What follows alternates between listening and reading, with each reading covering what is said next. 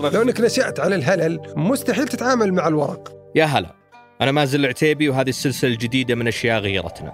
عن الشيء اللي ما أحد يبيه يطير الفلوس. فيقولون تطير ما يثقون فيها بالأول ما قعدت شهر شهرين إلا استقبلوها اللي هي العملة الورقية. وكان هذا الهاجس اللي بالنسبة للملك عبد العزيز انه في عملة لازم توحد. وش كانت العملات المتداولة قبل الملك عبد العزيز الله يرحمه؟ والرواتب كيف كان الموظفين يستلمونها قبل البنوك؟ والبنوك نفسها شلون بدت؟ الراجل كان يفرش فوطة. في ساحة الديرة ويضمها بعد مع كل صلاة ويروح يصلي ثم يرجع يفرش الفوطة مرة ثانية.